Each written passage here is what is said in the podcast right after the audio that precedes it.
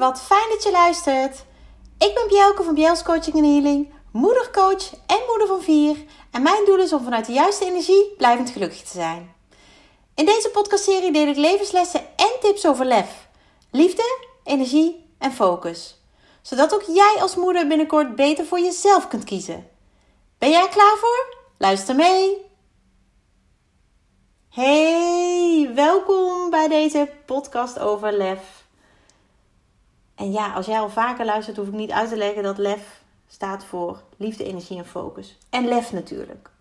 Want lef is ook iets wat wij als moeders nodig hebben om stappen te kunnen zetten. En ik vind het super mooi dat jij luistert.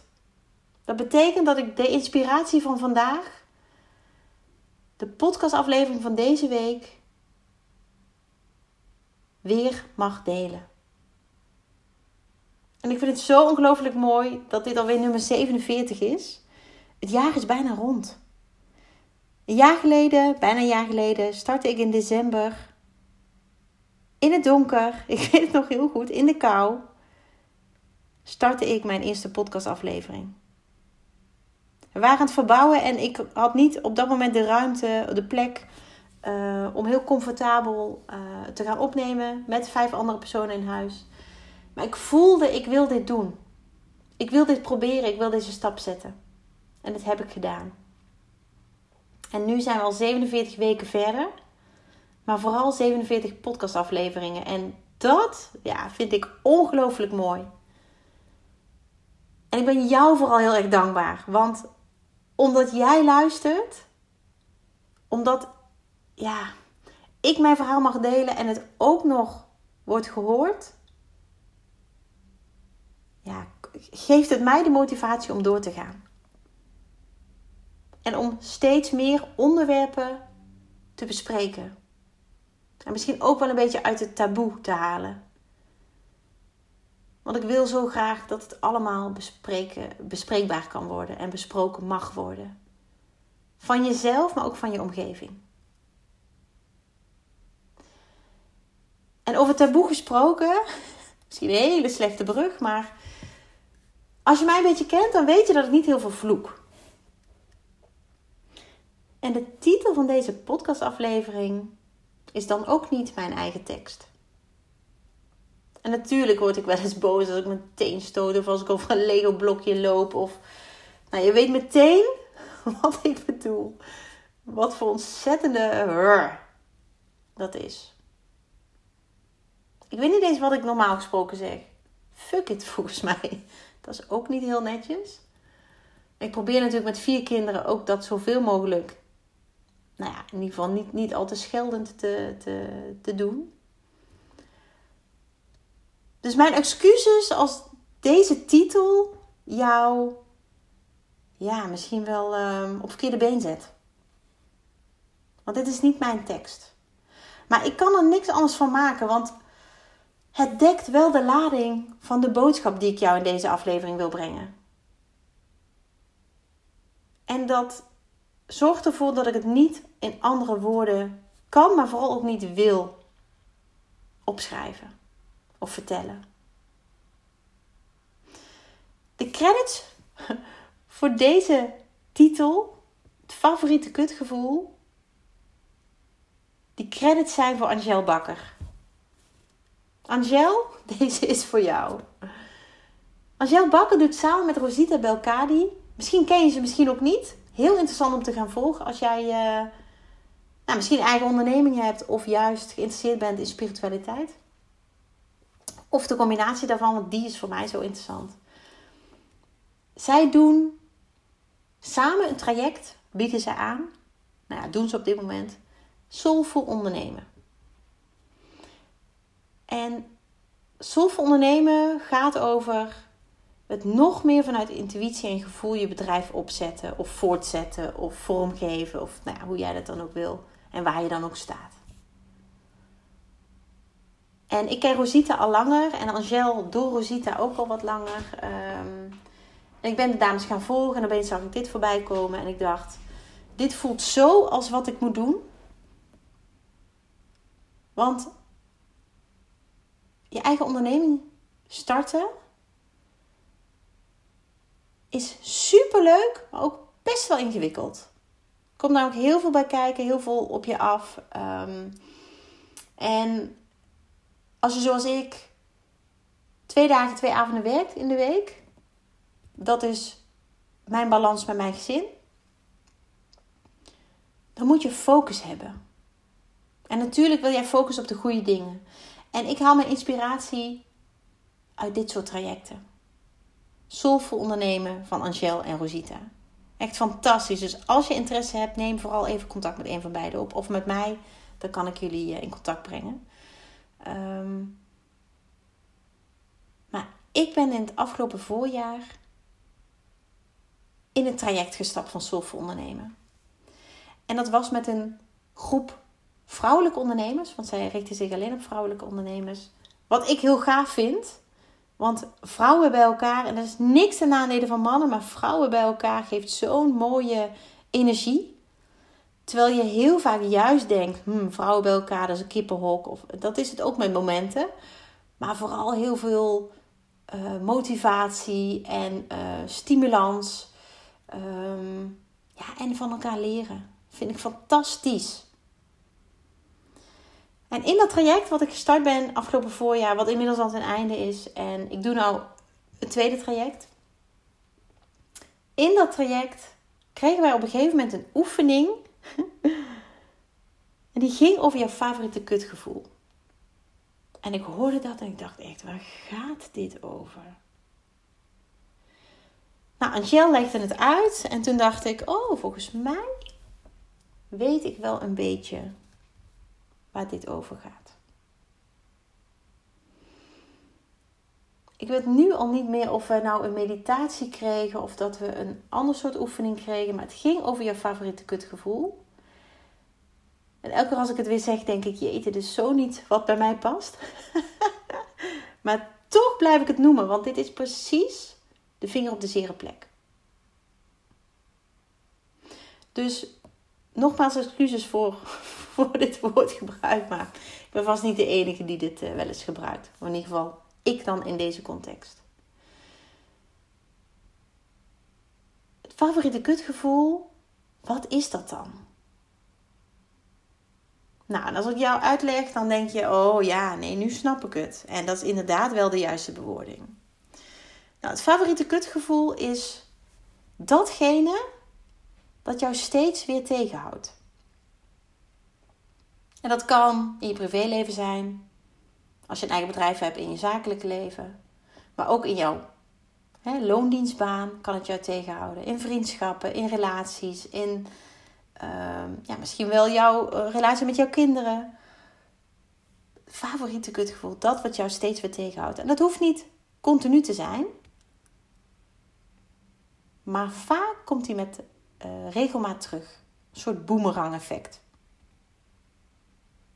Het is jouw zwakke plek. Datgene wat in jouw gedachten zit, wat elke keer weer opspeelt. En waar jij in blijft hangen. En misschien soms wel met heel veel plezier. Om even dat te doen. En dat kan hè, en dat is oké. Soms is het heel goed om heel eventjes in dat gevoel te hangen. Maar dan hoop ik dat je ook de kracht hebt en ja, het lef. Ik denk dat dat een mooi woord is in dit geval. Om daar uit te komen, om jezelf daaruit te trekken. Want anders blijf je erin hangen en dat is niet fijn. Dan kom je nergens. Het brengt je nergens. En ik zal je een paar voorbeelden geven. Die werden toen ook gegeven en die kwamen ook uit de groep. Um, en ik denk dat dit vooral bij vrouwen speelt. En ik werk niet ehm, met mannelijke cliënten, dus dat weet ik niet. Maar uit mijn ervaring met mannelijke ex-collega's ehm, en mannen in mijn, in mijn omgeving, denk ik dat dit bij mannen veel minder is. Natuurlijk is het niet, niet aanwezig, maar wel veel minder. Favoriete kutgevoel, wat best wel veel uh, genoemd werd, was wie zit er nou op mij te wachten? En dit is puur en alleen om jou een beeld te geven want dit gevoel is, kan zijn. Maar misschien herken je deze wel. Wie zit er nou op mij te wachten? En dat is vooral voor ondernemers, startende ondernemers, een killing kutgevoel. Meteen een nieuwe term. Een killing kutgevoel. Want wie zit er nou op mij te wachten? Daar ga je met je onderneming. Je wil iets opstarten en de gedachte wie zit er op mij te wachten brengt jou niks. Dan heb je ook nog de gedachte, nee, het kutgevoel, sorry, ik ben niet goed genoeg. Nou, ook dat helpt niet als jij ondernemer bent, maar helpt jou ook niet in je dagelijks leven. Want dan creëer je dus dat je altijd jezelf vergelijkt met anderen en dan nou, jezelf altijd minder voelt. Ik ben niet goed genoeg. En daar hoort er nog een bij en die heet een ander kan dit beter of iemand anders uh, is hier beter in. Dat is ook zo'n gedachte, overtuiging die jou niet verder helpt.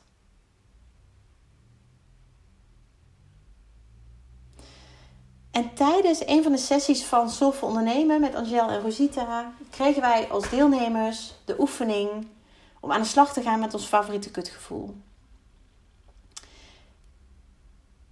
En ik had redelijk snel op papier wat mijn kutgevoel was en is.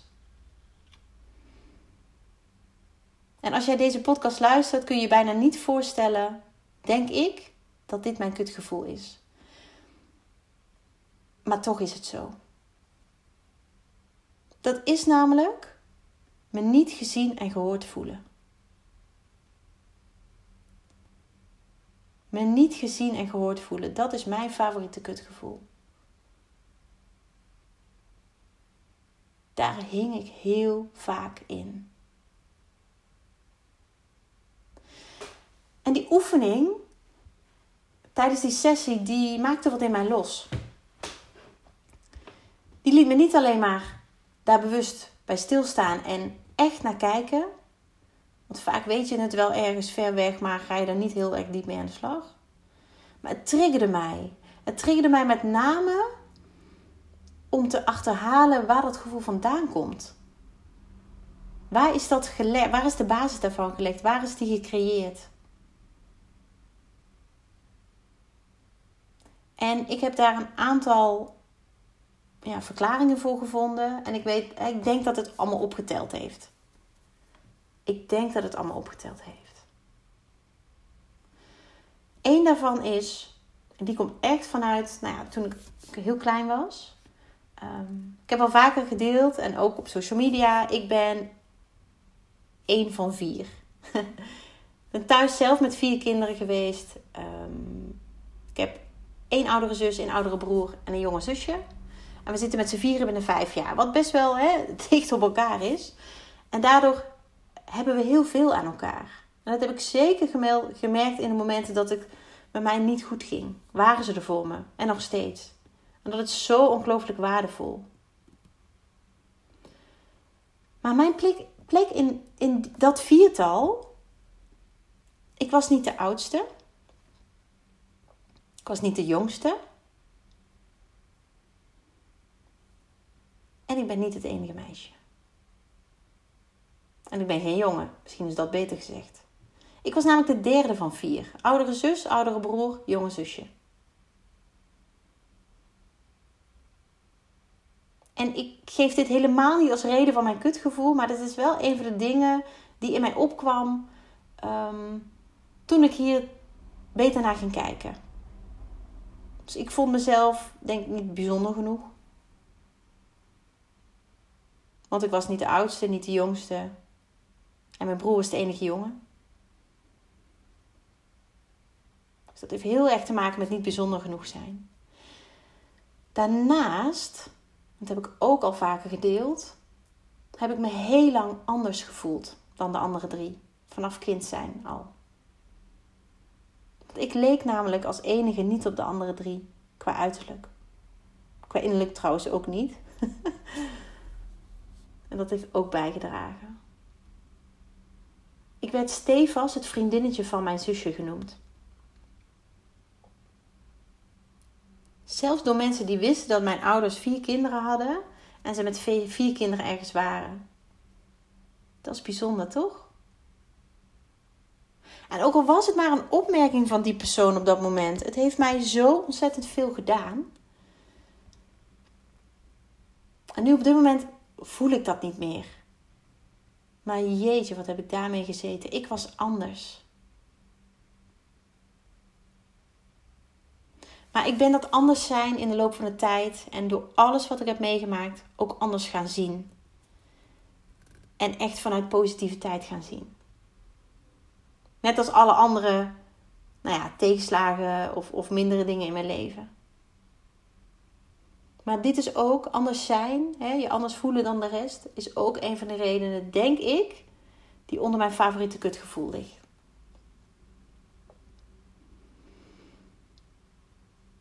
En ik had nog een derde, moet ik even denken, een derde onderbouwing van mijn favoriete kutgevoel. Oh ja. En dat heeft ermee te maken dat ik vanaf kind al heel veel dingen aanvoel. Spanningen, um, energieën, uh, ja. Ik wist bewijzen van al, voelde ik al dat mensen uit elkaar gingen voordat zij het wisten. Dat ik ook totaal niet verbaasd was als iets strandde. Dat had ik namelijk al aangevoeld. Maar dat is heel raar, want voor mij was dat normaal. Maar ik kwam er gaandeweg, naarmate ik ouder werd, steeds meer achter dat, dat, dat niet iedereen dat had. En dat dat wel voor mij af en toe een beetje raar werd gevonden. En dat ik op een gegeven moment dus ook maar mijn mond een beetje ben gaan houden. Want ja, dat was natuurlijk wel raar. Als ik dat soort uitspraken deed of als ik al dingen wist voordat andere mensen dat wisten. Die erbij betrokken waren. En ook mijn vriendinnen die hadden daar, ja, die hadden dat niet of vele malen minder. En ehm, ik heb mijn leven echt wel veel vriendinnen gehad en ook hele lieve vriendinnen. En nog steeds, weet je, een aantal, nou die gaan ook nooit meer weg. Maar die herkennen dit ook. Die hebben dit ook uh, op andere vlakken, maar die, die kern is hetzelfde. En voor mij zijn dit de drie redenen of, of uh, aanleidingen waardoor ik mijn favoriete kutgevoel heb ontwikkeld. En een favoriet kutgevoel is niet slecht, maar is wel iets waar je je bewust van mag zijn, waar je bij stil mag staan. Want nu zie ik, me, zie ik heel helder wat er dan met mij gebeurt. En ook waarom dat gebeurt. En heel af en toe komt dat nog naar boven, dat gevoel. En ook toen ik mijn onderneming startte, toen ik Biels begon, toen ik met heel veel positiviteit en zin uh, ja, startte, kwam dit gevoel naar boven. Want in het begin was er niemand die mijn post las. Nou ja, niemand is overdreven, maar weinig. Was er niemand die mijn podcast luisterde. Dus ik voelde me niet gezien en gehoord. En dat is echt heel kort geweest dat ik dat, dat heb ervaren. Maar, want ik geloof heel erg dat mijn verhaal nog veel meer impact gaat hebben dan wat het nu al heeft. Maar het fijne is dat ik inmiddels mijn favoriete kutgevoel herken. En als het naar boven kan, uh, komt, dan kan ik mezelf ook vanuit liefde anders laten denken. Dan kan ik het omdraaien. Dan zorg ik er in ieder geval voor dat ik niet zo lang erin blijf hangen. En dat ik het ten positieve voor mezelf kan gebruiken. En dat is niet dat ik dat in een minuut kan. Want af en toe als ik daar heel diep in ga en als ik echt geraakt word door iets wat mij dit gevoel weer geeft, vanuit privé of vanuit werk, dan heeft dat soms even tijd nodig. Maar die tijd gun ik mezelf. Want ik weet dat ik hieruit kan komen. En ik weet ook hoe. Maar af en toe is het heel fijn en ook heel goed om eventjes daarin te zitten. Want ik geloof namelijk dat je dan um, ja, het beter kunt helen. Als je het echt aankijkt en ermee aan de slag gaat. In plaats van wegwuiven. Dat heb ik namelijk vroeger jaren gedaan. Het wegwuiven. Of me juist daardoor laten tegenhouden. Waardoor ik dus heel veel dingen niet heb gedaan.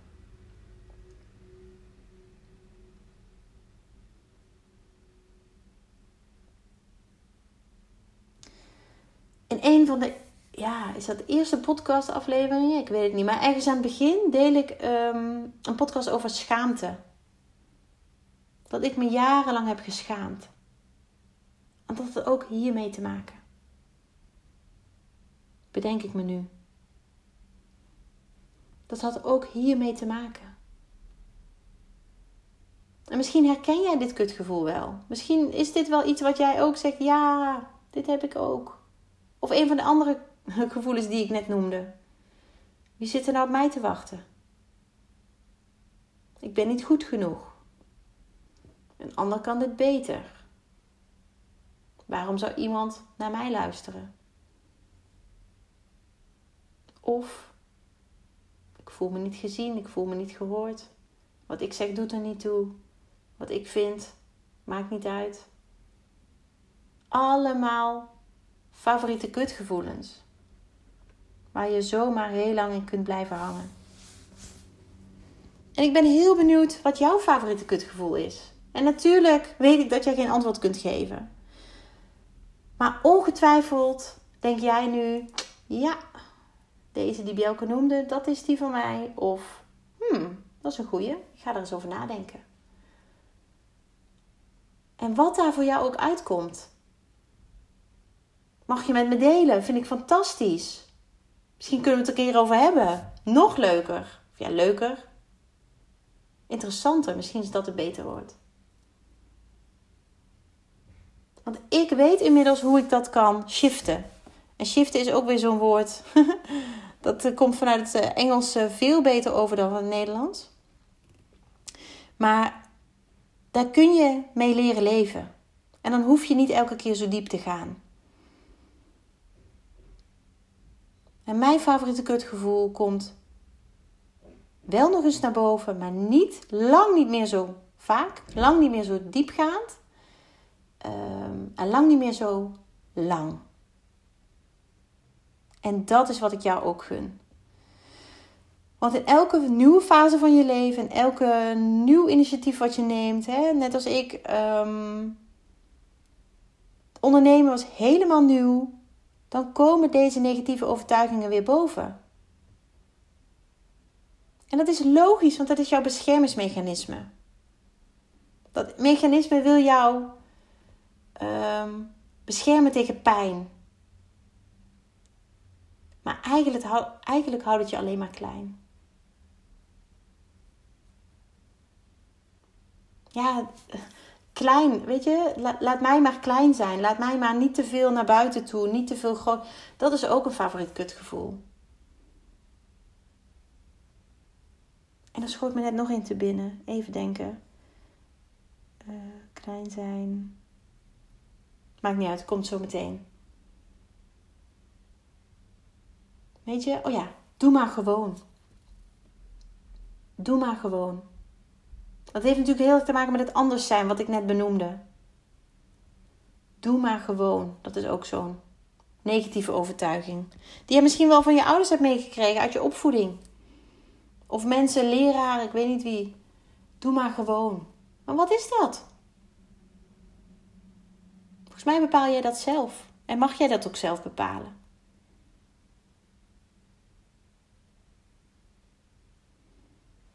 En ik hoop dat ik jou hiermee ja, weer even aan het denken zet. Dat jij, misschien ga je er wel mee aan de slag, misschien ga je het wel opschrijven, uh, achterhalen waar het vandaan komt. Want dat helpt allemaal om het vast te pakken en er iets mee te doen ten positieve. Zodat ook jij de volgende keren als jij dit favoriete kutgevoel naar boven voelt komen, daar iets mee kan. Het kan shiften, het kan veranderen. En dat je dus ook voor elkaar krijgt dat het minder vaak gebeurt. En dat je minder diep hoeft te gaan en minder uh, lang er last van hebt. Dat gun ik jou. En ik ben heel benieuwd hoeveel mensen, hoeveel luisteraars, hoeveel moeders hun favoriete kutgevoel met mij willen delen. En ja, ik zou het fantastisch vinden en echt, dan vind ik je ongelooflijk stoer ook als je dat met mij wil delen. Het hoeft natuurlijk niet. Weet je, houd vooral bij jezelf als je daar geen behoefte aan hebt. Maar ik ben ook heel benieuwd of jij het gesprek met mij aandurft te gaan daarover. Om samen te kijken misschien naar waar het vandaan komt en hoe je het kunt omdraaien. Hoe je dat kunt gebruiken om vervolgens in jouw voordeel te laten werken. Want me niet gezien en gehoord voelen, ik ben elke dag zichtbaar. Ik ben wekelijks hoorbaar, maar ik ben ook heel vaak hoorbaar op mijn stories. Maar wekelijks dus op deze podcast. En ik voel me gezien en ik voel me gehoord, maar vooral door mezelf. Ik mag mezelf laten zien, ik mag mezelf laten horen. En wauw, wat is dat ongelooflijk fijn als je dat jezelf gunt. En ik gun het jou, want jij verdient dat. Ik vind je fantastisch. Dankjewel. Dankjewel voor het luisteren. Dagelijks inspireer ik honderden moeders om met lef te leven. Dat doe ik niet alleen via deze podcast. Je kunt je ook gratis aanmelden voor de Club van Moeders met Lef. Hierin deel ik praktische tips, geef ik inspirerende workshops en wekelijks live sessies en coaching. Zodat jij meer balans ervaart, meer rust in je hoofd krijgt vaker me-time neemt en dit alles zonder schuldgevoel. De club is een superleuke groep met gelijkgestemde moeders waarin ik wekelijks live ga. Hierin deel ik tips, meditaties en kaarttrekkingen. En als lid van de club krijg je ook nog korting op mijn live events. Dat gun ik iedere moeder, dus jou ook. Join de club en ontdek hoe jij, net als de andere moeders, met meer lef kunt leven, zodat je meer kunt gaan genieten. Ga naar bjels.nl slash club en meld je aan. Ik heet je graag van harte welkom. Nogmaals, dankjewel voor het luisteren en heel graag tot de volgende keer.